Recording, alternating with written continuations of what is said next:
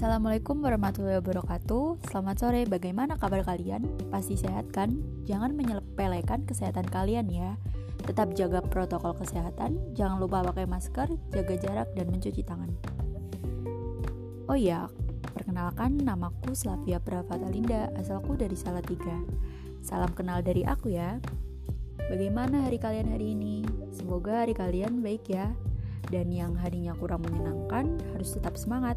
Gak ada hari yang buruk, semua hari itu baik. Oh iya, hari ini aku mau share sedikit tips cara hidup bahagia. Karena semua orang di dunia ini berhak bahagia.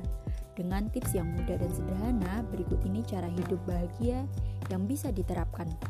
Yang pertama, tersenyumlah.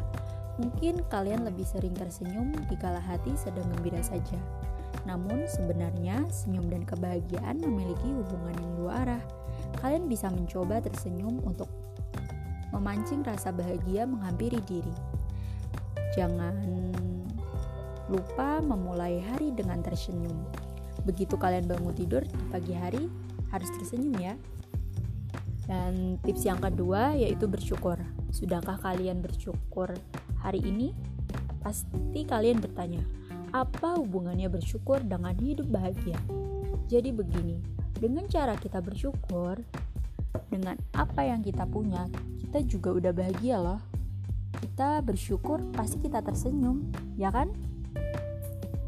Dan tips yang terakhir yaitu jangan larut dalam kesedihan. Jika kalian sedang ada masalah, berbagi cerita kepada teman atau orang terdekat dan jangan merasa sendiri karena kalian berak bahagia.